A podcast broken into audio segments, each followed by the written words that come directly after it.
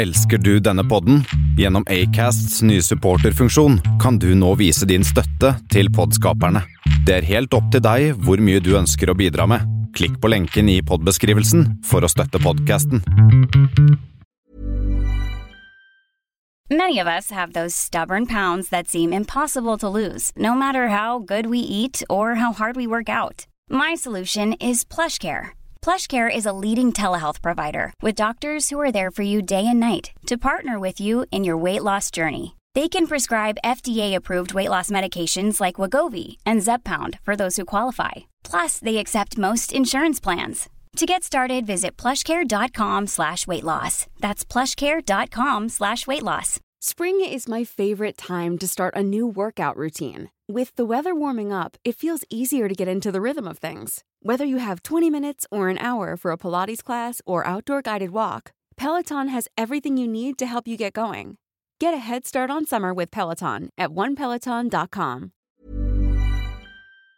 Er Ikke sant.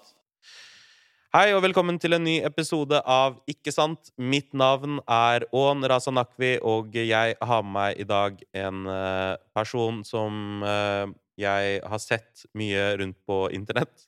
Eh, møtt i noen sammenhenger, i noen foredrag. Han er en foredragsholder og en person som jobber med the human aspect. Driver også noe som heter Hverdagssyken, en podkast du absolutt burde høre på. Velkommen, Jimmy Vesterheim.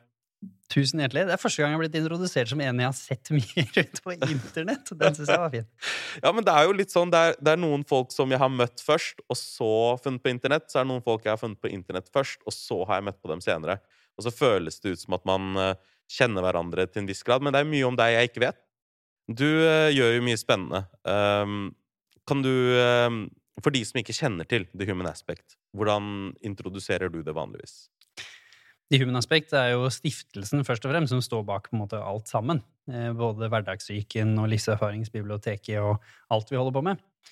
Så selve The Human Aspect, det vi er mest kjent for under den paraplyen, det er jo Livserfaringsbiblioteket, som er jo verdens største gratisressurs innenfor psykisk helse. Det er rett og slett et bibliotek med livserfaringer. Så det er dybde videointervjuer da, av mennesker som deg og meg, som forteller da om hvordan de har kommet seg gjennom den tøffeste utfordringen de har stått i, og hva de har plukka opp og lært på veien. Som de tenkte liksom Dette skulle jeg ønske jeg visste når jeg møtte utfordringen første gang. Så det er jo genuin livserfaring som man på en måte har sendt videre, da. Mm. Og i vårt tilfelle digitalisert. Så vi har jo da 700 sånne dybdevideointervjuer mellom 30 og 60 minutter lange, så de er jo veldig lange. Mm. Og de er jo også ansett som terapeutiske verktøy, i den forstand at intervjuet er bygd opp på en måte som gjør at uh, Ja. folk som ser på, skal få noe ut av det, da. Skal føle at de kanskje har lyst til å ta tak i ting og få noen tips til hvor de kan begynne. Mm. Og da snakker man om alt mulig. Alt mulig. Alt fra kjærlighetssorg til tortur og alt imellom. Altså, vi har jo selvfølgelig typisk sorg, depresjon, angst. Disse liksom store kategoriene har vi mye av. Men vi har også sånne nisjeting. Sykdommer som kanskje ikke folk har hørt så mye om. Ting som det burde snakkes mer om, som for eksempel eh, endometriose, ikke sant? Mm. vaginisme. Mm. Altså ting innenfor kvinnehelse, som vi har hatt litt ekstra fokus på i det Mm. siste. Men Mm. også menn, ikke sant, som tør å snakke om Mm. psykisk helse, er selvmord og på en måte de tøffe, heve tingene som kanskje man ikke snakker så mye om. Og så har vi selvfølgelig også litt mer sånne temaer som ofte er litt mer betent, men som også har mye psykisk helse i seg, som rasisme, for eksempel, diskriminering, Ja. eh, sånne ting som er veldig samfunnsaktuelle temaer også, men fortalt gjennom en ekte persons historie. Jeg tror jo at det med rasisme går eh, utover psykisk helse i en veldig stor grad. Det handler om utenforskap, og det handler om å ikke føle at du passer. Jeg tror det går utover mange, mange aspekter i livet.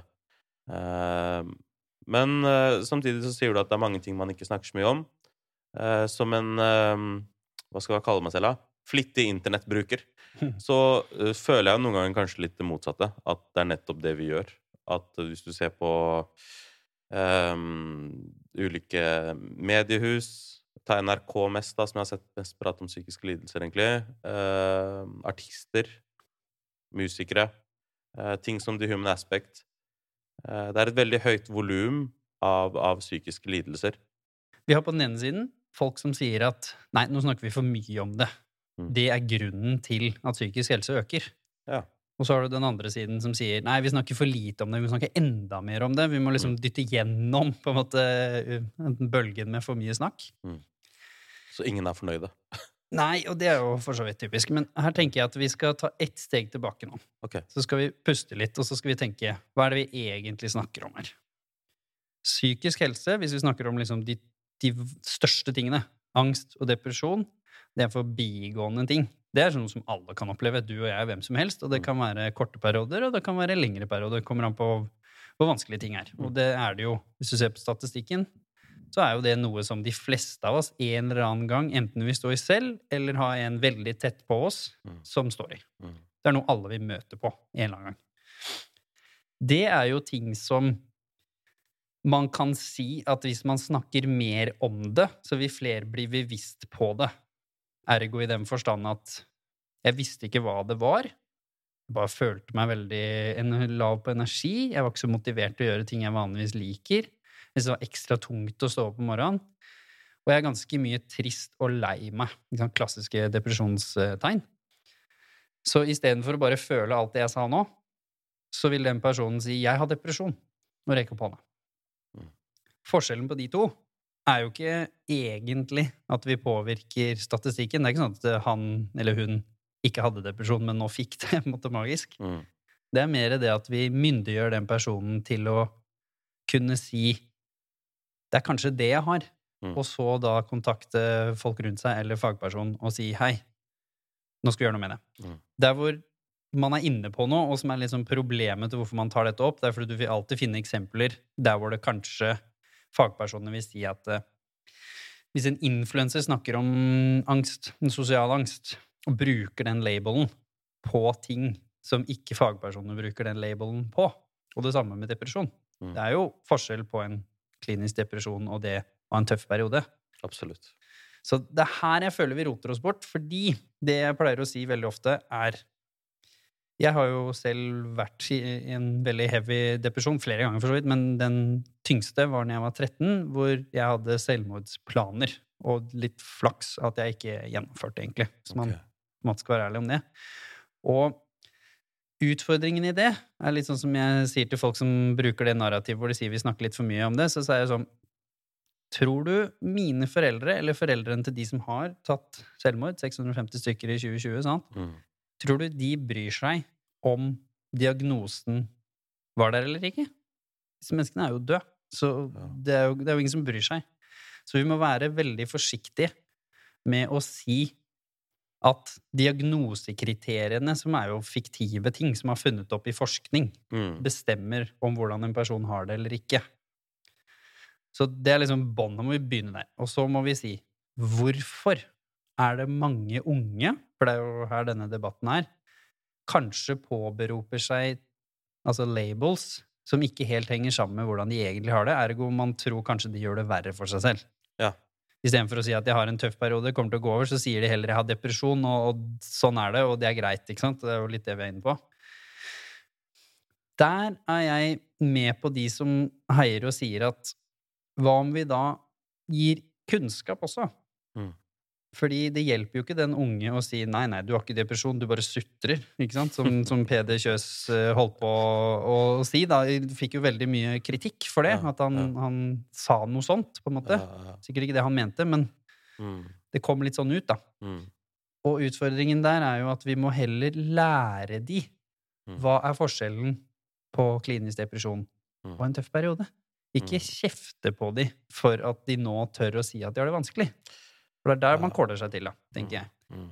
Men jeg er jo helt enig i at det er mange der ute, eh, kanskje spesielt eh, unge, men også andre voksne, som, som kanskje i mangel av kunnskap Mm. ilegger seg da en diagnose de ikke har.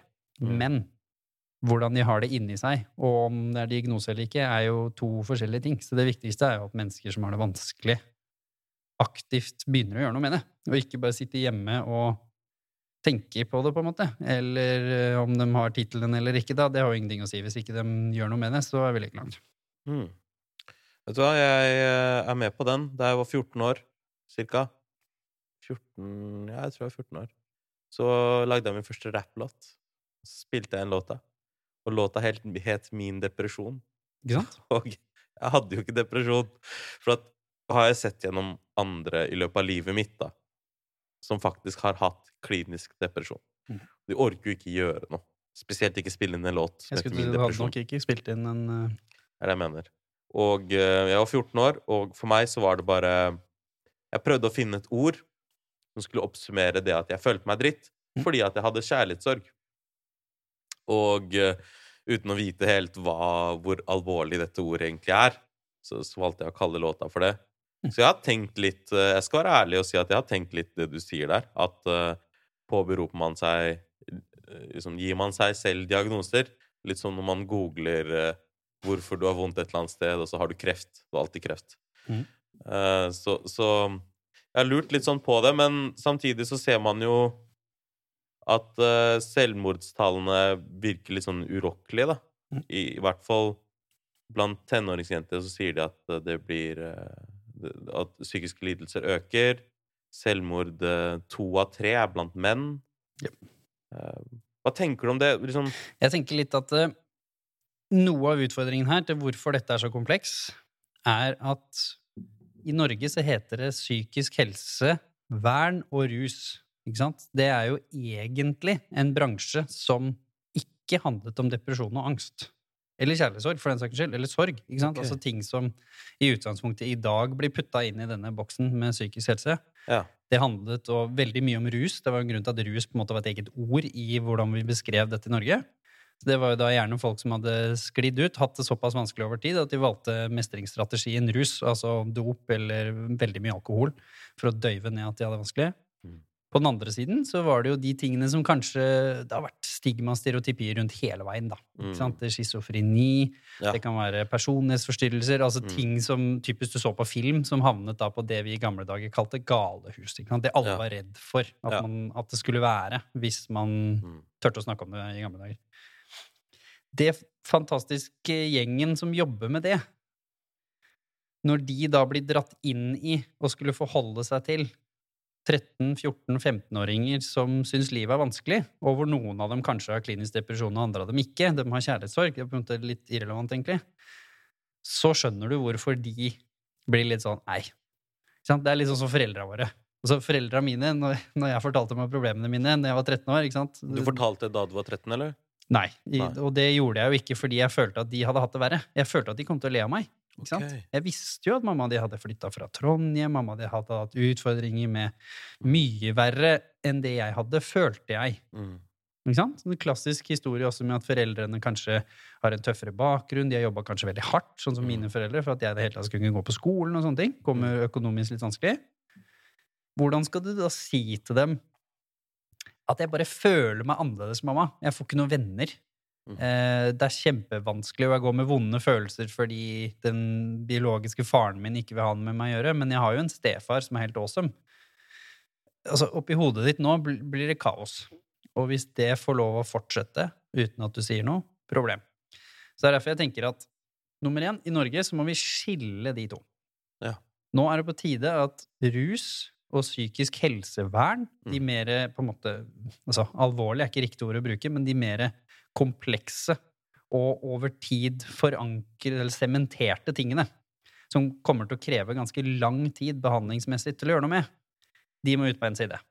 Og Ja. der har vi masse folk og forskning og penger og alt. Så de selvfølgelig har, eh, trenger flere sengeplasser og alle de andre tingene som de hyler om. Mm. Fint. Det er sant, så det må vi gjøre noe med. Men den store boksen, Mm. der hvor det er millioner av mennesker, selv i Norge, det er jo angst, depresjon, kjærlighetssorg, burnout. Ikke sant? Den Ja, burnout mye. eh. Mm. Den må jo ikke behandles av de. Mm. Den må behandles av mennesker som lever litt i den verden, og som har litt forståelse for ungdomsverden. Mm. For jeg har også sagt ganske mange ganger, da, at hvis jeg hadde vært 13 i dag, med de utfordringene jeg hadde den gangen, Mm. så hadde jeg 100% gjennomført det selvmordet lenge før. Fordi jeg hadde ikke kunnet gjemme meg fra mobberen min. For jeg kunne jo gå hjem, sant? sånn som i gamle dager. Så det var hustelefon og, ikke sant? Du kunne gå hjem fra skolen. Mm. Gikk du inn døra di, så var du trygg. Ja. Sånn at du ikke inviterte mobberne hjem. Ja, da, klart, ja. Eller at det ikke skjedde noe i hjemmet. Det gjorde det for så vidt også litt i mitt liv, men bare i det ene hjemmet. Så jeg hadde ett hjem hvor det var fint. Men i dag så har du jo mobberen med deg på telefonen. Mm. Og hva sier de som jobber da i psykisk helsevern, og de som er foreldre, og de som er litt voksne? De sier ja, men bare slett Instagram og Snapchat, eh, så løser det seg. Ja. Der. Det går ikke. Der har du mista meg allerede der. Ja, Hvis du tror at du ikke blir mobba, Mm. hvis du sletter Instagram og Snapchat og TikTok og ikke er til stede på Reddit og får med deg hva som har skjedd når du Mm. kommer på skolen, Mm. Da blir du mer mobba. Ja, du blir mer mobba. Du er ikke der, og så kan det hende at du tenker verre. At det er verre enn det det er. Du får ikke sjekka det. Ja, og så kommer det og skaper ekstra stresstendenser osv. Cancel culture. ikke sant? Hvis du er uheldig med noen uttalelser, Mm. så plutselig så blir du cancelled.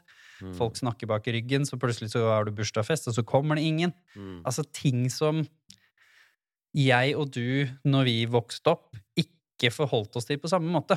Ja. Og da kan ikke de som møter disse tenåringene, eller Peder Kjøs, som var uheldig og sleivete i sin kommentar, og som Mm. ledet det utvalget Mm. Det er ikke han som må gjøre den jobben. Nei. Den jobben må da gjøres av en sammenkjøring av på en måte, tunge fagpersoner med f.eks. Helsesista, Mental Helse Ungdom og oss. Mm. Og kanskje sykt ærlig. altså Nå bare slenger jeg masse navn ut av Mm. ø, hatten. Men folk som ser og hører fra ungdommer hver dag. Ja. Vi skulle vært med på det laget der. Mm. Så det er der hvor liksom mye av utfordringene ligger, da, Ja. tenker jeg at man nå, nå, er jeg 30, nå blir jeg snart 35. Det er jo sånn spennende Føler seg gammel. Og så har jeg plutselig tatt meg selv i nå, fordi jeg har ganske mange unge i teamet okay. også. Så jeg er jo så heldig å Hvor, hvor gammel er du vi snakker? alt fra 16-17 til på en måte 21-22, da. Okay. Som jeg jobber ganske tett med, så jeg får jo også oppleve hvordan de opplever livet. Og så plutselig så går jeg og tar meg selv i ganske ofte, hvor jeg bare sånn Vent litt. Nå gir du sånn papparåd. Nå, nå, nå Istedenfor å liksom anerkjenne og si liksom sånn Oi, det hørtes tøft ut. Fortell okay. mer Ja. så blir jeg liksom sånn Ja, men liksom, du gjør jo bare sånn, sånn og sånn og sånn. Fordi jeg er jo 35, så jeg har jo perspektiv. ja, jeg pleier å gjøre sånn. Faen. Jo, men det gjør vi alle. Det er jo veldig Faen. godt ment. Ja, det er jo det. Ja. Jeg velger å tro det. Jeg håper Ja. det. Og her kommer dilemmaet, da. Ja. Fordi jeg er 35. Jeg vet også at Mm. ting går over. Mm. Det visste jeg ikke da jeg var 13. Alt. Men hva drev du med? Liksom, hvordan var livet ditt? Liksom, du er 13 år, du opplever mobbing, opplever uh, noen som er veldig kjipe mot deg. For det var Mm. kilden til Ja, det var Dette. både pappa, vanskeligheter med at han var alkoholiker, Mm. det var mobbing, følte meg ikke hjemme. Mm. Og så ble det litt sånn frustrasjon og krangling og sånn med mamma og de som jeg bodde med også. Stefaren min, liksom hele den gjengen der. Mm. Så derfor så liksom pusha jeg folk vekk fra meg også. Mm. Og så bare bestemte jeg meg for, på ungdomsskolen, når jeg heldigvis kom ut av denne veldig heavy perioden, så bestemte jeg meg for ok, nå skal jeg inn på idrettslinja, og jeg skal vekk herfra. Det var min løsning. Ikke Ja. sånn klassisk eh, dårlig Hollywood-film. ikke sant? Skal vekk fra, fra bygda. Ja. Klarte det. Mm. Brukte det til en sånn helt dyrisk motivasjon på ungdomsskolen til å få gode nok karakterer. Til å komme inn på idrettslinja, som tilfeldigvis da ikke var den nærmeste skolen. Okay. For det er jo sånn som i Norge, ikke sant? du kommer bare inn på den nærmeste skolen. Så da visste jeg jo at alle de jeg så på som problemet, de som mobba meg og den gjengen der, Mm. de skulle på denne skolen som var nærme. Idrettslinja var eneste mulighet jeg hadde til å kunne komme inn på en annen skole. Hvis ikke så må du jo gå på den nærmeste. Og derfor ville du gå i idrett? For å gå vekk? Og fordi jeg elska idrett, selvfølgelig, Ja. og var god i det. Ja, Men. Mm. Hva slags idrett var det du gikk i, da? fotball, basket, boksing, alt. Alt? Mm. Jeg fulgte jo de rådene vi i dag vet funker. Det var jo at jeg drev med veldig mye aktivitet som gjorde at min ADHD var under kontroll. Mm. I den forstand at jeg fikk ut veldig mye fysisk energi. Derfor bygde ikke frustrasjonen seg opp, som ofte er den som kan komme ut i veldig sånn stereotypiske ADHD-person som ikke klarer å kontrollere seg. da. Ikke sant? Mm, Man blir mm. sint, eller at liksom sånne ting. De kontrollerte jeg veldig godt med nummer én ikke spiste sukker, og nummer to jobba veldig da, med mye trening. Mm. Kom inn på idrettslinja. Nå begynner jo livet å bli bedre. Har ADHD dårlig for de, så at jeg avbryter deg, men har ADHD, sukker dårlig for de som har ADHD. Det gjør det vanskeligere å kontrollere måte, blodsukkernivået ditt. Da. Så hvis man har et mer stabilt blodsukker Det er ikke sånn at du aldri skal spise sukker, men jeg vet at hvis jeg liksom klinker på med en 200 grams eh, Freia, Mm. så blir blodsukkeret mitt ganske ustabilt og litt mer vanskelig for meg å ha fokus da, og konsentrasjon og kål. Drikker jeg kaffe, det er jo ikke noe vits i, på en måte. Jeg har masse, Mm. masse energi. Så sånne okay. enkle Ja. Men det er et veldig godt eksempel på det vi snakket om i stad. Ja. ADHD, hvis du har kunnskap om det, Ja. så kan det bli en superkraft, og ganske uproblematisk egentlig. Okay.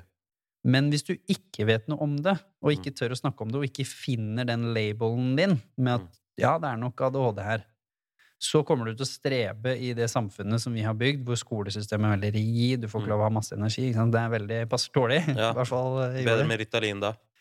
Bedre med Ritalin-unge da, ikke sant? som sitter litt sånn halvveis med en amøbe på bakre benk. Men problemet med det også for mange, det er jo ikke noe galt med det for de som trenger det, Mm. men hadde man håndtert det kanskje tidligere, og med litt mer naturlige midler, som trening og kosthold f.eks., så vet vi jo også fra forskning at da de som har ADHD, ville antagelig klart seg bedre på skolen og følt seg mindre utafor, og antagelig utviklet da mindre andre psykiske potensielle utfordringer. Okay. Ja.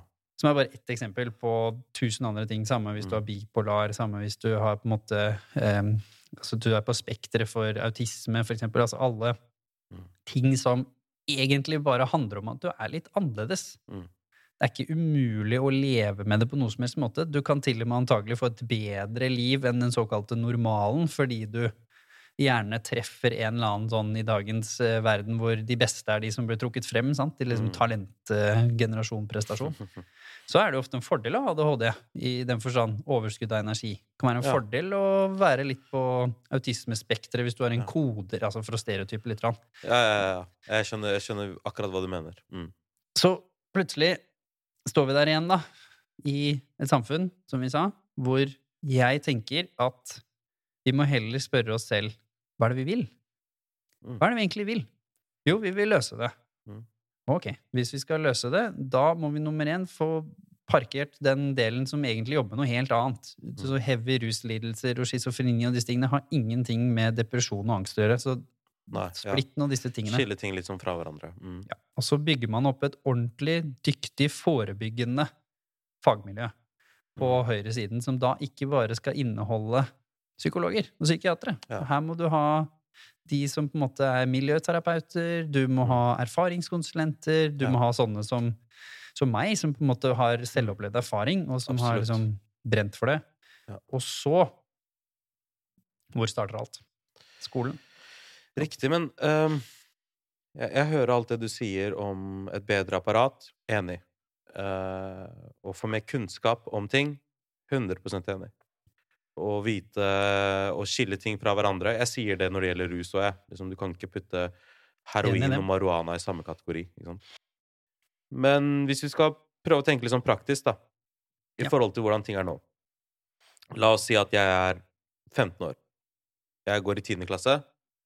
Jeg føler meg ofte lei meg. Jeg vet ikke helt hvorfor. Kanskje jeg er mye sint. Kanskje jeg er mye redd. En av delene. Mm. Kanskje jeg er noe midt imellom. Ehm, og så bor jeg i La oss ta min hjemby, da. Larvik. Hva gjør du? Det første du gjør da, det er å på en måte anerkjenne at dette skjer. Det er ikke noe jeg finner på, på en måte. Det er min opplevelse, og så tar du sånn- litt sånn eierskap i den. Anerkjenne følelsene sine, liksom? Ja, Mm. Og så er du litt nysgjerrig. Så blir det liksom som du sier, fordi du kanskje ikke du helt vet om du er redd eller om du er sint. Altså, Ja. Når jeg var 13-14-15 år, så opplevde jeg at jeg var ekstremt frustrert. Mm. Jeg følte meg sint Mm. eh, innimellom, og jeg følte først og fremst en sånn rar håpløshet om at jeg trodde ikke det skulle bli bedre. Jeg kunne ikke helt forklare hvorfor, men jeg bare Klassisk. følte ikke det. Ja. Mm, mm. Men jeg visste jo ikke noe mer. Jeg hadde ikke gravd noe nedi det. Hvis jeg hadde gravd ned, sånn som jeg har kunnet gjøre da mange år etterpå, så hadde jo jeg sett at jeg først og fremst hadde en veldig dyp sorg om hva som hadde skjedd med dette med pappa. Ja. Jeg hadde en frustrasjon om at jeg ikke følte at jeg passet inn, Mm. og at jeg heller ikke fant noe sted hvor, det, hvor jeg gjorde det. Og jeg følte nok også frustrasjon med at jeg gjorde en del ting som, Mm. for å please andre som ikke var meg. Så jeg, liksom, jeg var jo, dro Ja. meg jo selv lenger unna også. Så jeg var medskyldig i min egen eh, Mm. eh, sorg, holdt jeg på å si. Så hvis man kan med noen venner, da, for det er jo gjerne begynne der. ikke sant? Det er sjelden Mm. du tør å gå rett til helse, helsesykepleier eller rett til psykologen eller rett til mamma og pappa. Mm. Så kanskje begynn med noen venner. Mm. Utforsk litt. Så, hva er dette? Ja. Og tør da også å si ja, men har jeg opplevd ting før, da? Så vanskelig, for det har jo de fleste selv om de er 15. Så kan du si ok, hvor ille var det i forhold til det, da? Nei, jeg mista hunden min, kanskje, eller bestemor døde tidlig, eller liksom at man har jo gjerne opplevd traumatiske ting. Hva med Mm. bilulykke? Altså, det kan være mye som har skjedd. Mm. Hvor ille er det i forhold til det? Ja. For perspektiv er jo det siste man utvikler blant unge, og det er nøkkelen til hvorfor den utdannelsen som Peder hadde, og den utdannelsen som veldig mange andre i det miljøet har, er dødelig. Det er ganske heavy statement å komme med. Fordi Mm. 13-14-15-åringer, der hvor vi ser at dette er kjempeproblem med selvmord, Mm. de har ikke perspektiv. Så når Peder Kjøs sier 'vi må ta sammen', Ja. og har brillene på nesa Altså, han ser ut som bestemoren eller bestefaren deres, ikke sant? for å tulle litt med det. Det er jo ikke noe galt med det, men Det det. i øynene dem så gjør han det. Ja. Det eneste de hører og ser nå, Ja. de forstår meg ikke. Ikke engang Mm. eksperten forstår meg. Ja. Hva er poenget, da? Da gidder Da jeg er det borte. Da, da er det bare å gi opp, da. Ikke sant? Ja, ja, ja. Så derfor så skal man vite hvem man snakker til når man sier sånne ting. Da må man tørre å si at, vet du hva, dere lever i og står i en virkelighet som jeg ikke forstår. Mm. Vi skjønner at den oppleves som så vanskelig og håpløs. Mm, mm. Men det kan hende at vi sammen kan finne ut at det ikke er så ille som du tror. Ja. For det vet jo du og jeg at det ikke er. Du vet Ja. at det var ikke så ille som du trodde når du skrev den rappelåta di. ikke sant? Og jeg vet det. at det ikke var så ille som når jeg var 13. Ja. Men når vi var der, Det var verdens undergang, ass. Nettopp. Det var kaos da. Så hvorfor skal vi som voksne som vet det, sitte her og si til de som er der vi var, og si Nei, nei, du får ikke lov å oppleve det jeg gjorde når jeg var 13-14. Mm. Du skal bare ta deg sammen, du, og våkne opp og skjerpe deg. Så, så, så det er faktisk som for å For ofte kan man høre den her Ok, kjendiser snakker om psykisk helse. Men så kan det være lurt at kjendiser snakker om psykisk helse. For at når unge Ferrari, eller Stig Brenner, som han kaller seg nå, snakker om det, så kan en kid tenke at vet du hva, han er jo den tøffeste jeg vet om. Eller han er jo en person jeg ser opp til, og han opplever det. Mhm. Så, så jeg må oppleve det. Hvem tror du er viktigst at snakker om det? Stig eller eh, Peder Kjøs? Ikke at jeg skal bruke han så mye nå, men la oss si en ekspert, da. Eh, Eller Stig. Kommer an på. Jeg, jeg tror at det er viktig at en person som Stig snakker om det. Jeg, jeg tror det er viktig. Men jeg tror at det er bare å åpne døra. Helt enig. Ikke sant? Jeg tror Stig kan åpne den døra, mm. men hva som er inne, inni det rommet, det kan verken For min del, da, så, så legger jeg noen ganger merke til Jeg kan snakke med noen, og så kan jeg føle at det her er egentlig forbi min kompetanse. Mm. Jeg Og hvem kan- er det som har fått oss til å tro det? Det er det som er spennende. Men Fordi det er jo det fagfolkene om- som har fått oss til å tro det. Ja, men samtidig så Men er det forbi din kompetanse å snakke om en, med en 14-åring om at livet er vanskelig? Det er det ikke. Er ikke Men hvis jeg, hvis jeg For eksempel ta det med ADHD, da. Jeg har ikke opplevd det før. Så jeg, det hadde jo vært et dritbra tips å gi til noen med ADHD. Bro, du må bevege deg mer. Du har mye energi. Du må få det ut. Men du trenger ikke å ha det tipset. Du trenger bare å lytte til den personen. Ja. Og som en hvilken som helst voksenperson over 25 år, Mm. så vet du hvordan du skal google deg frem til noen som vet mer enn deg. ja.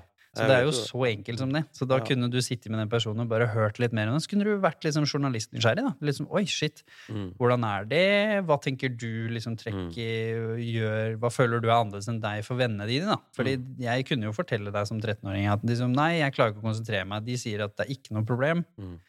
Jeg får det ikke til. De leser bøker opp og ned i alle retninger. Jeg sovner et side to.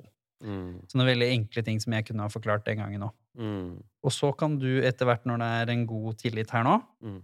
si Har du snakka med noen om det her? Liksom? Har du snakka med noen som Mm. kanskje vet mer enn meg? Fordi jeg kjenner jo veldig på at uh, dette kan jeg jo ingenting om. Ja. Skal vi finne ut av det sammen? Skal vi liksom sjekke litt om det er en podkast der ute? Skal vi sjekke om det er eh, fagpersoner? Skal vi liksom Søker du ADHD i Norge, da, så kommer jo ADHD Norge øverst, selvfølgelig. Mm. Mm. Så kommer Min ADHD, en podkast, altså liksom tusen andre ting. Ja, det er mye informasjon der ute nå, ja. Og veldig det Det jeg syns er farlig, er at vi i Norge har gjort det sånn at man tenker at det bare er fagpersoner som kan håndtere psykisk helse. og Det er derfor jeg mener vi må splitte det. Ok. Fordi når det gjelder kanskje schizofreni og disse tingene, så er jo svaret riktig. Mm. Men når det gjelder sorg, når det gjelder depresjon, angst, milde ting, selvfølgelig, i det Mm. spekteret der, du kan ha veldig alvorlig klinisk depresjon og angst også, Mm. men når vi snakker om i begynnende stadie, Mm. det kan hvilken som helst person håndtere. For det handler mer Jeg vet Kanskje det er noe jeg har blitt fortalt uten at jeg har tenkt over når jeg har blitt fortalt det. Men jeg husker en gang en venninne fortalte meg at uh, jeg tør ikke å gå til butikken. Mm. Og så er jeg hvorfor ikke? Uh, fordi da må jeg ta bussen. Så er jeg sånn OK, so Er det et problem, liksom? er det et problem, liksom? Ja, men jeg, jeg føler angst når jeg gjør det. Men så, så prøvde jeg Og jeg, jeg var jo sånn 22-23 år. Og da husker jeg at jeg prøvde å si sånn her Ja, men herregud, det er jo ikke noe som kommer til å skje på bussen. Vi begge vet jo det. Det var jo ikke noe jeg trengte å fortelle henne om. Men da så merka jeg meg selv at jeg var i en posisjon der jeg var sånn Ingen tips jeg har, funker. For at dette her er forbi rasjonalitet. For Det er forbi Ja, for meg, ja. Selvfølgelig. For at jeg har ikke den Mm. tingen. Uh, forbi min type rasjonalitet eller logikk. Og da Jeg vet ikke. Ofte når jeg har sett psykiske lidelser, så føler jeg meg litt så maktesløs. Mm. Fordi at du Nummer én, og klisjé, men veldig sann klisjé, du kan ikke hjelpe noen som ikke vil ha hjelp. Sant det? Og for meg så er det Jeg driver med tekst, og jeg driver med ord. Og når ordene kommer til kort, så vet ikke jeg lenger hva jeg skal gjøre. Ja, jeg vet at jeg kan være der og lytte, og jeg vet at det er en verdi. Men behovet inni meg er sånn Jeg har lyst til å hjelpe deg. Liksom, hvordan kan jeg Der sa du det. Behovet inni oss. Mm, Men det kommer jo fra oss. mm, Og det er feil svar. Det er det som er spennende. Okay. Det å hjelpe noen andre Ja. har jo aldri vært å gi dem råd. Tenk i ditt eget liv. Så når var det du sist hørte på noen og fikk et råd? Så sant det ikke var sånn som vi nettopp snakket om nå, da, som du Ja. sa, liksom jeg sier ADHD, og du vet jeg har opplevd det, og så gir jeg Ja. deg to-tre pointers, og så bare shit, det er fit, det jeg tenkte på. Men når det gjelder sånne generelle ting, som, liksom, som ikke er så sharp, da, Mm, Altså, jeg, hvis jeg har sittet og tenkt på depresjonen min i hver dag i seks måneder, og så skal jeg møte deg til en kopp te, mm. og så skal vi snakke om depresjon I hvilken verden er det du og jeg da som møter denne personen, tenker at vi skal vite mer om den angsten og depresjonen, og tilfeldigvis komme på en løsning som de ikke har tenkt på, hvis de har tenkt på dette hver dag i seks Ja, måneder? det er litt veldig arrogant. Ja, arrogant. Ja. Det var akkurat det ordet jeg tenkte på når du begynte å si Det det. er det. Ja. Men det, er jo, det kommer fra et veldig godt sted. Så dette er det vi må snakke om. Vi må si at det er ikke farlig. Velment arroganse. Ja, men det er en del av problemet. Og det er derfor Ja. folk ikke åpner seg for andre også. Fordi de vet at de bare kommer til å få en to-tre skudd fra hofta. Og hvem er det som vil få det Det er det samme som vi som er entreprenører. ikke sant? Hver gang jeg møter noen nye, så sier de 'Å, har du søkt Innovasjon Norge?' Så blir jeg sånn Du, jeg har holdt på med det her i fem år. Tror du ikke jeg har tenkt på det? Det er altså det første som står på lista, ikke sant? Ja. Det er jo litt det samme. Så hvis jeg da har holdt på med angsten min i fem år, hun venninna di, da, Mm. og så blir du litt sånn Du, hei, det er jo ikke noe farlig på bussen. Så bare sånn Brorsan, Så er jeg bare sånn douche. kom igjen, sitter der og bare Ja, jeg skjønner. Det visste jeg. At det ikke var noe farlig på bussen. Okay, Og det gjør det jo ja. enda flauere. At jeg vet at det ikke er farlig på bussen. Men det føles sånn. Ikke Ja. sant? Så derfor så tenker jeg at det, det første vi kan rydde opp i, det er å si at vi som mennesker skal ikke gi andre mennesker masse råd. Så sant ikke vi har opplevd det selv. Da kan vi komme med liksom Og da kan du si det. 'Jeg har opplevd dette selv. Mm. Da gjorde jeg dette.' Det er jo Human Aspect eh, sant? Masse sånne type Mm. versjoner. Det er min HDHD-podkast. Altså. Mm. Mange der ute som er i den sjangeren. Ja. Alternativ to, hvis du ikke har opplevd det selv, som gjelder de fleste tilfellene, Mm. er bare lytte, være nysgjerrig, Mm. vise at du rommer det, og skape den speilingen som den personen kan få. Fordi hva oppnår de da? Den Mm. eneste tingen som kan løse det, perspektiv. Hvis jeg forteller deg høyt at jeg tør ikke å dra på butikken, fordi da må jeg ta bussen Mm. så hører jo jeg sjøl at det høres litt fjernt ut. Og så spør du meg, så sier du sånn Ja, men hvorfor Hvorfor tør du ikke ta bussen, på en måte? Hva er det med det? Og så sier jeg nei, fordi når jeg går inn på bussen, så er det veldig masse folk. Jeg føler de står tett oppå meg. Jeg kjenner at pulsen stiger, og jeg kjenner at jeg blir stressa.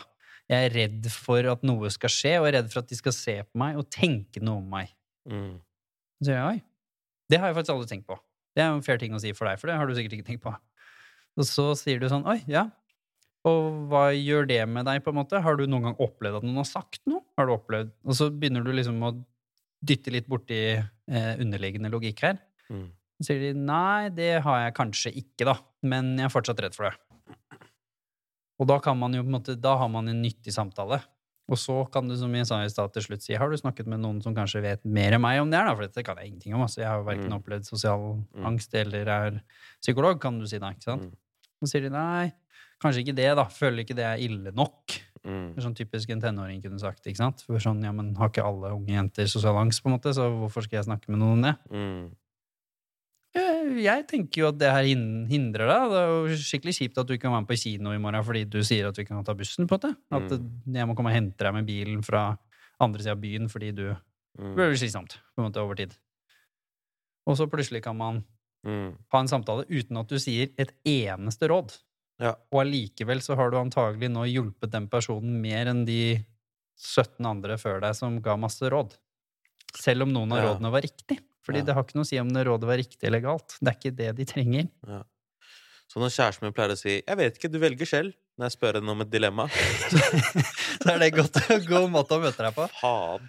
Nei, det er Nei. Det er, når du genuint kommer og spør du, skal jeg velge A eller B, så, så Ja. mener jo jeg kanskje at folk burde i hvert fall tørre å si jeg hadde valgt B fordi ABC. Ja, ja, ja. Eh, Så nei, kanskje ikke helt det samme, men Um, jeg lurer på en ting. Ja. La oss si at jeg gjør disse tingene du sier nå, Mm. og er en god venn som det er basically det du sier nå. Hvis du er venn med noen, og du lytter på det her, dette er hva du burde gjøre. Helt ærlig, dette er noe jeg kommer til å ta til meg. Du sa at sist jeg fikk et råd jeg kommer til å bruke i livet. Nå. Akkurat nå.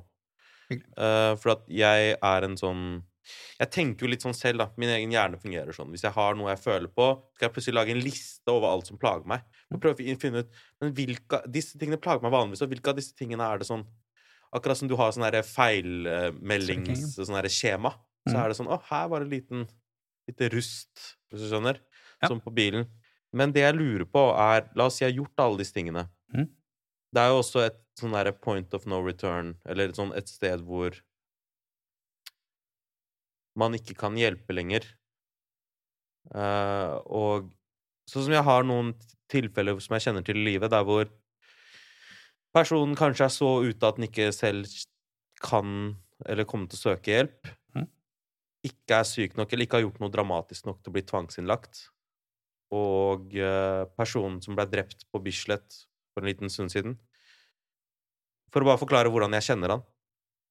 Så en gang så var jeg på vei hjem, og så var klokka rundt sånn to, og så var jeg på Bislett på Deli de Luca. Og så var det en kar som sto der og gråt. Eller var veldig lei seg. Ikke sånn gråt som i strigråt, men jeg så tårer i øynene, og jeg så han var veldig emosjonell. Og eh, han, jo en, han var jo en veldig sånn sterk kar, da, så man kunne bli litt sånn derre Litt redd for han, da. Og så spør jeg han bare sånn Går det bra, eller G? Hva, hva skjer med deg? Er det noe jeg kan gjøre for deg? Og så begynner han å fortelle om broren min har blitt drept i Tsjetsjenia. Faren min har blitt drept i Tsjetsjenia. Eh, og hun fortalte meg masse mye annet. Og eh, jeg prøvde å liksom bare være der. Jeg prøvde sikkert å gi noen råd. Og så mange år senere så ser jeg dette skje. Og så tenker jeg jo som alle andre. Hvor i prosessen Jeg er sikker på at de som var nære venn med han For jeg har bare møtt han et par ganger. Jeg var så vidt en bekjent, sikkert. De prøvde sikkert å ha samtale med han. La oss si at noen gjorde alt det rette. Og så ble han innlagt, Mm. og Hva gjør man da, på en måte? Du som kan mye om dette. Hva skulle man gjort i det tilfellet?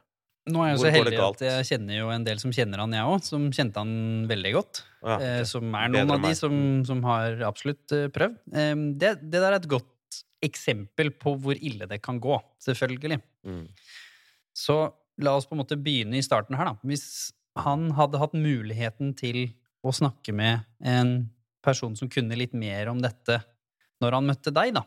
Når han sto i en tung sorgprosess. Det er jo det, ikke sant? Mistet to familiemedlemmer, i tillegg mistet dem i et annet land. Han har sikkert ikke hatt mulighet kanskje til å reise. ikke sant? Mm. Altså, det, det er mer enn bare en vanlig sorg med at noen dør av naturlige årsaker. da. Som skaper ekstra frustrasjon og ekstra følelsen av at man ikke er bra nok, og ekstra kanskje følelse av skyld og masse ting som baller på seg. Mm. Hvis du ikke tar tak i det, så går ikke den sorgen over av seg sjøl. Hvis du og jeg mister noen av naturlige årsaker, og vi håndterer det på en relativt sunn måte, vi snakker om det, vi er i nærheten av familie, vi har liksom har den typiske begravelsen og liksom kommer i stegene, så vil det sakte, men sikkert gjøre litt mindre vondt over tid. Men når du ikke gjør noe med det da, og kanskje søker i tillegg til eksempel eh, rus eller alkohol eller sånne type ting for å døyve det, som veldig, Mm. veldig, veldig mange gjør. Mm. Vet ikke om han gjorde det, men veldig mange gjør det. Eller at man søker da at man ikke forstår følelsene sine, og kanskje liksom utagerer. Og i tillegg, hvis man pusher for hardt i det spekteret her, så kan man havne i psykose, da, som det virker som Mm. har vært tilfellet her. Og da har man jo genuint ikke styring på hva man gjør, så man er jo selv juridisk sett ikke beregnelig. Altså mennesker som, som da blir beskrevet til å være i en psykose, per definisjon kan ikke holdes ansvarlig for Mm. sine handlinger da, i det øyeblikket der. Selv om Mm. de får jo selvfølgelig tvungen behandling hvis um, man skader noen. Mm. Men det å snakke om han og si at det var psykisk helsevern, altså der han var til slutt, på en måte, Mm. som problemet, det blir for meg fjernt. Det Mm. tuller jo til den samtalen. Som du sier, dette var et, så vidt meg bekjent, varmt og godt og hyggelig menneske som Mm. hadde masse ressurser, og som i utgangspunktet aldri hadde trengt å havne der. Mm. Så han burde jo fått muligheten til å ta tak i dette kjempetidlig, lenge før han ble tvangsinnlagt. Da er det jo, som Mm. du sier Det blir litt sånn som på kreftavdelingen på, en måte, på Rikshospitalet. Når du kommer inn der med en stadig kreftdiagnose hvor det er 20 sjanse for å overleve, Mm. Så er det jo 20 av 100 som tusler ut igjen, og sånn sett klarer seg. Mm. Men 80 av 100 dør. Så når man på en måte pusher dette inn i det alvorlige psykiske helsevern og rus, så er det jo også ikke nødvendigvis de mest positive tallene der heller, når det har gått så langt. Det er Mm. veldig mange, vi vet jo at det er omtrent halvparten av de som tar sitt eget liv, har vært i psykisk helsevern på et eller annet vis. Mm. Så de er jo de da som er på den alvorlige skalaen. Og vi vet også at veldig mange av de som er inne til behandling, ikke nødvendigvis får det bedre. De kommer ut igjen og begynner kanskje å russe seg igjen, kommer ut igjen, sliter med de samme tingene. Ja. Så igjen De som trenger så mye oppfølging og så mye hjelp, må få bedre oppfølging og hjelp. Der må vi se hva som går galt i sånne situasjoner som dette her. Mm. Mens for oss vanlige folk, som det tross alt er flest av, så må vi forstå at han var en vanlig person. Det er viktig å anerkjenne det. Man må ikke liksom se på han som en sånn special case og liksom bare pakke det under teppet og si at liksom, ja, ja, han var en sånn. Fordi det er jo ikke sant, ut ifra de historiene som vi så i mediene i etterkant, og Mm. venner av meg og du beskriver nå. Mm. Så vi må begynne å anerkjenne at sånne som han har vi over alt, som bare har vært uheldig og eller gjort uheldige valg i etterkant av veldig tøffe ting, som de prøver å gjøre for å få det bedre. Ikke sant? Det å drikke mye alkohol eller ruse seg er jo ofte et, et forsøk på å ikke føle og Mm. få det bedre. Det er jo ikke et forsøk på å bli drapsperson eller prøve å drue noen, true noen eller Mm. gjøre sånne ting. Mm. Sant? Så jeg tenker at jo flinkere vi blir til å snakke om utenforskap på et generell basis, som du sa i stad, ikke putte det inn i nødvendigvis noe label, utenforskap i forbindelse med rasisme, utenforskap i forbindelse med innvandring, utenforskap i forbindelse med diagnoser, i utenforskap seksualitet, utenforskap i forbindelse med tøffe sorgprosesser sånn som dette her, hvor man føler at han ikke finner rom for hjelp, osv., osv. Det er det viktigste vi må ta tak i. Og de som kan ta tak i det, det er både systemet og fagpersoner, men de er bare en bitte, bitte liten prosent. De viktigste som kan ta tak i det, er jo oss som står rundt, Mm. som kan sørge for å skape andre arenaer. Mm. Lage et aktivitetshus, og ikke Mm. bry oss om staten gjør det eller ikke. Bare gjør det. Lage en podkast hvor vi snakker om det. Mm. Først og fremst være der Mm. for en person på Deli de Luca klokka to som du ikke kjenner. Det er et veldig fint Mm. Ja. tegn på hva vi burde tørre å gjøre mer. Vi nordmenn er jo ikke Mm. akkurat flinkest Nei, til å snakke med folk vi ikke kjenner. det er sant. Det er bare så vanskelig På en måte så høres det du sier, ut som ja, det er bare å være der, da. Men samtidig så er det ikke bare bare. ikke sant? Det, det å være pårørende og gå ut av sitt eget liv, inn i noen andres problemfylte liv Ehm, Så må du tørre å anerkjenne, da. Ja, og så handler det også om kulturer og hvordan vi ser på det. Liksom at Mm. foreldrene mine, for eksempel, skal eh, liksom ta det ståstedet når på en måte denne samtalen har vært ikke-eksisterende, først og fremst i deres kultur, også i tillegg til deres generasjon.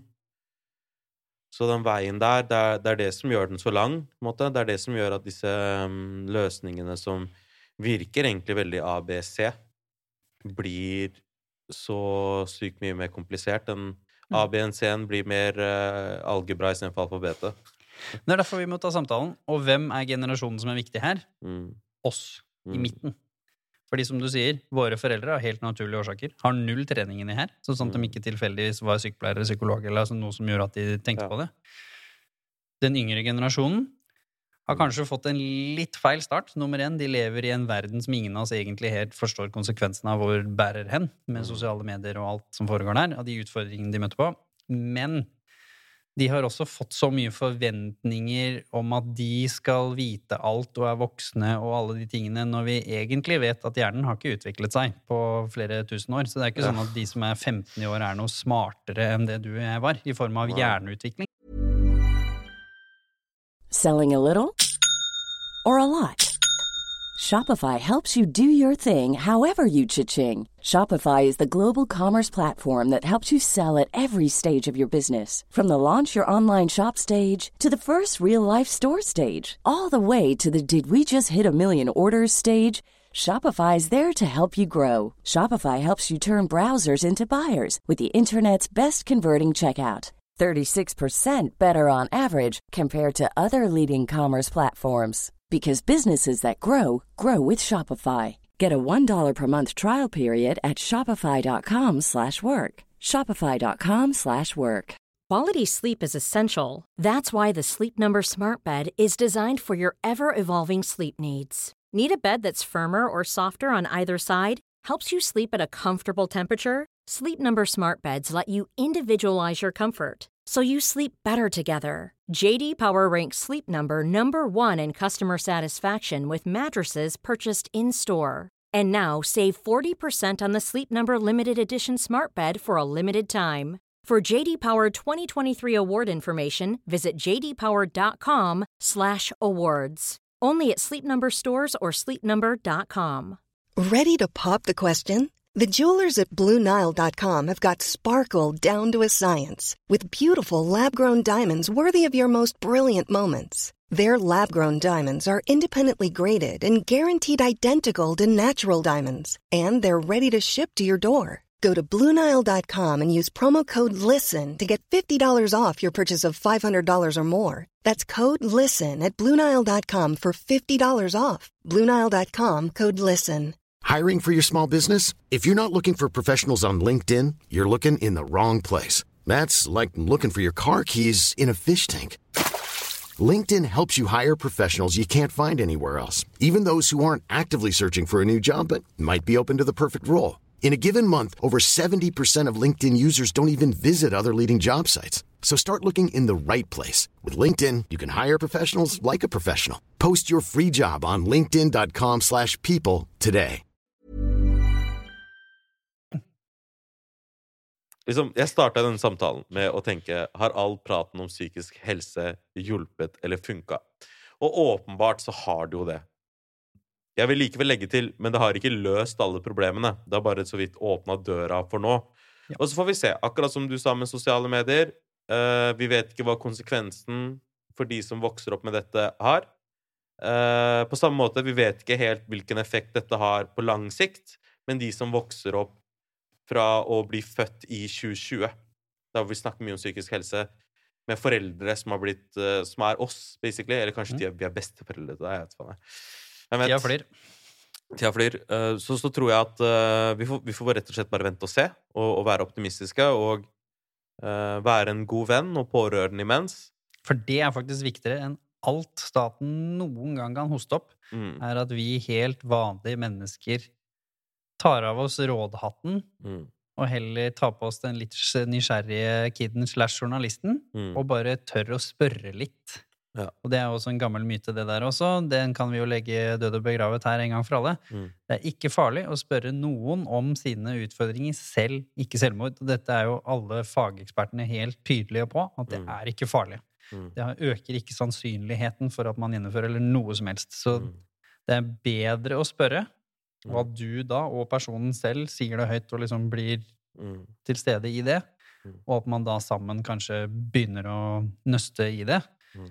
enn at man da på en måte går i det. Og hvis du kan snakke om selvmord, så kan du selvfølgelig også snakke om kjærlighetssorg og Mm. sorg og en vinterdepresjon eller eh, sorgen til han som dessverre da havnet og, og ble drept også av politiet oppi der.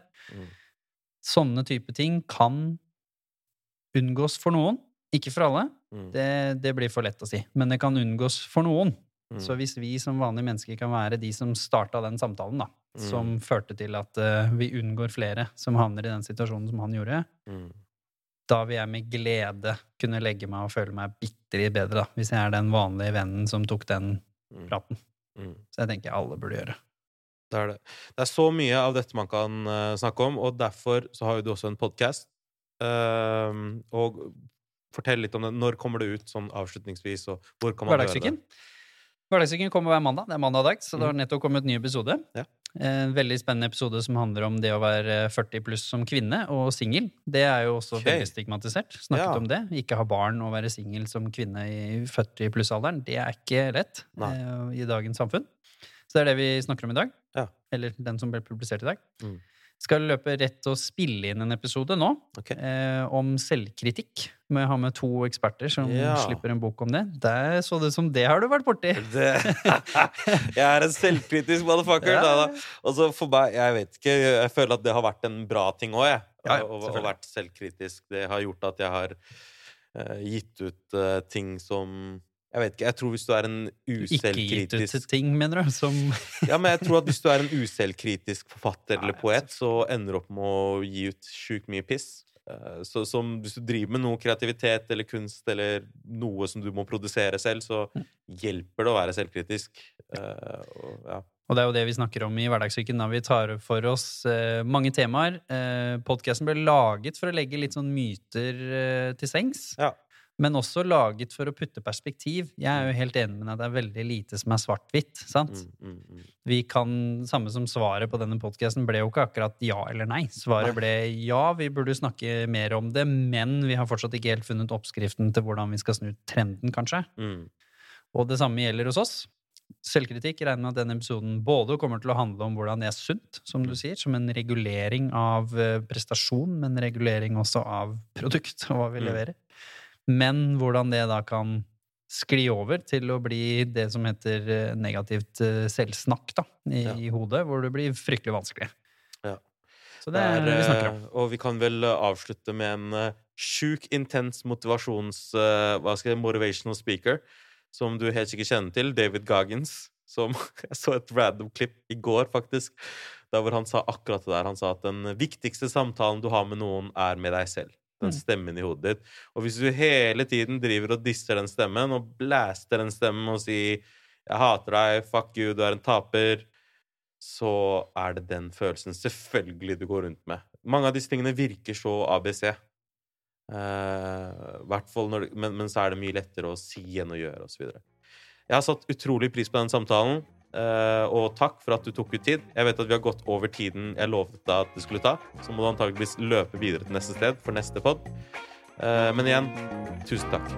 Bare hyggelig. og Tusen hjertelig takk for at jeg fikk komme. Det var veldig gøy. Det er gøy å sitte på andre sida òg. Ja, det er gøy. Det er bra.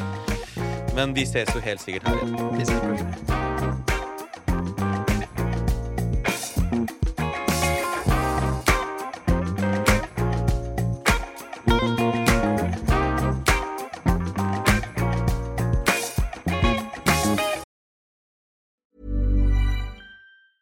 Even on a budget, quality is non-negotiable. That's why Quince is the place to score high-end essentials at 50 to 80% less than similar brands. Get your hands on buttery soft cashmere sweaters from just 60 bucks, Italian leather jackets, and so much more.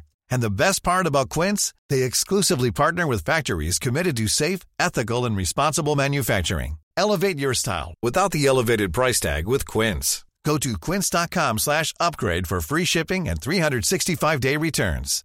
Here's a cool fact. A crocodile can't stick out its tongue. Another cool fact, you can get short-term health insurance for a month or just under a year in some states. United Healthcare short term insurance plans are designed for people who are between jobs, coming off their parents' plan, or turning a side hustle into a full time gig. Underwritten by Golden Rule Insurance Company, they offer flexible, budget friendly coverage with access to a nationwide network of doctors and hospitals. Get more cool facts about United Healthcare short term plans at uh1.com.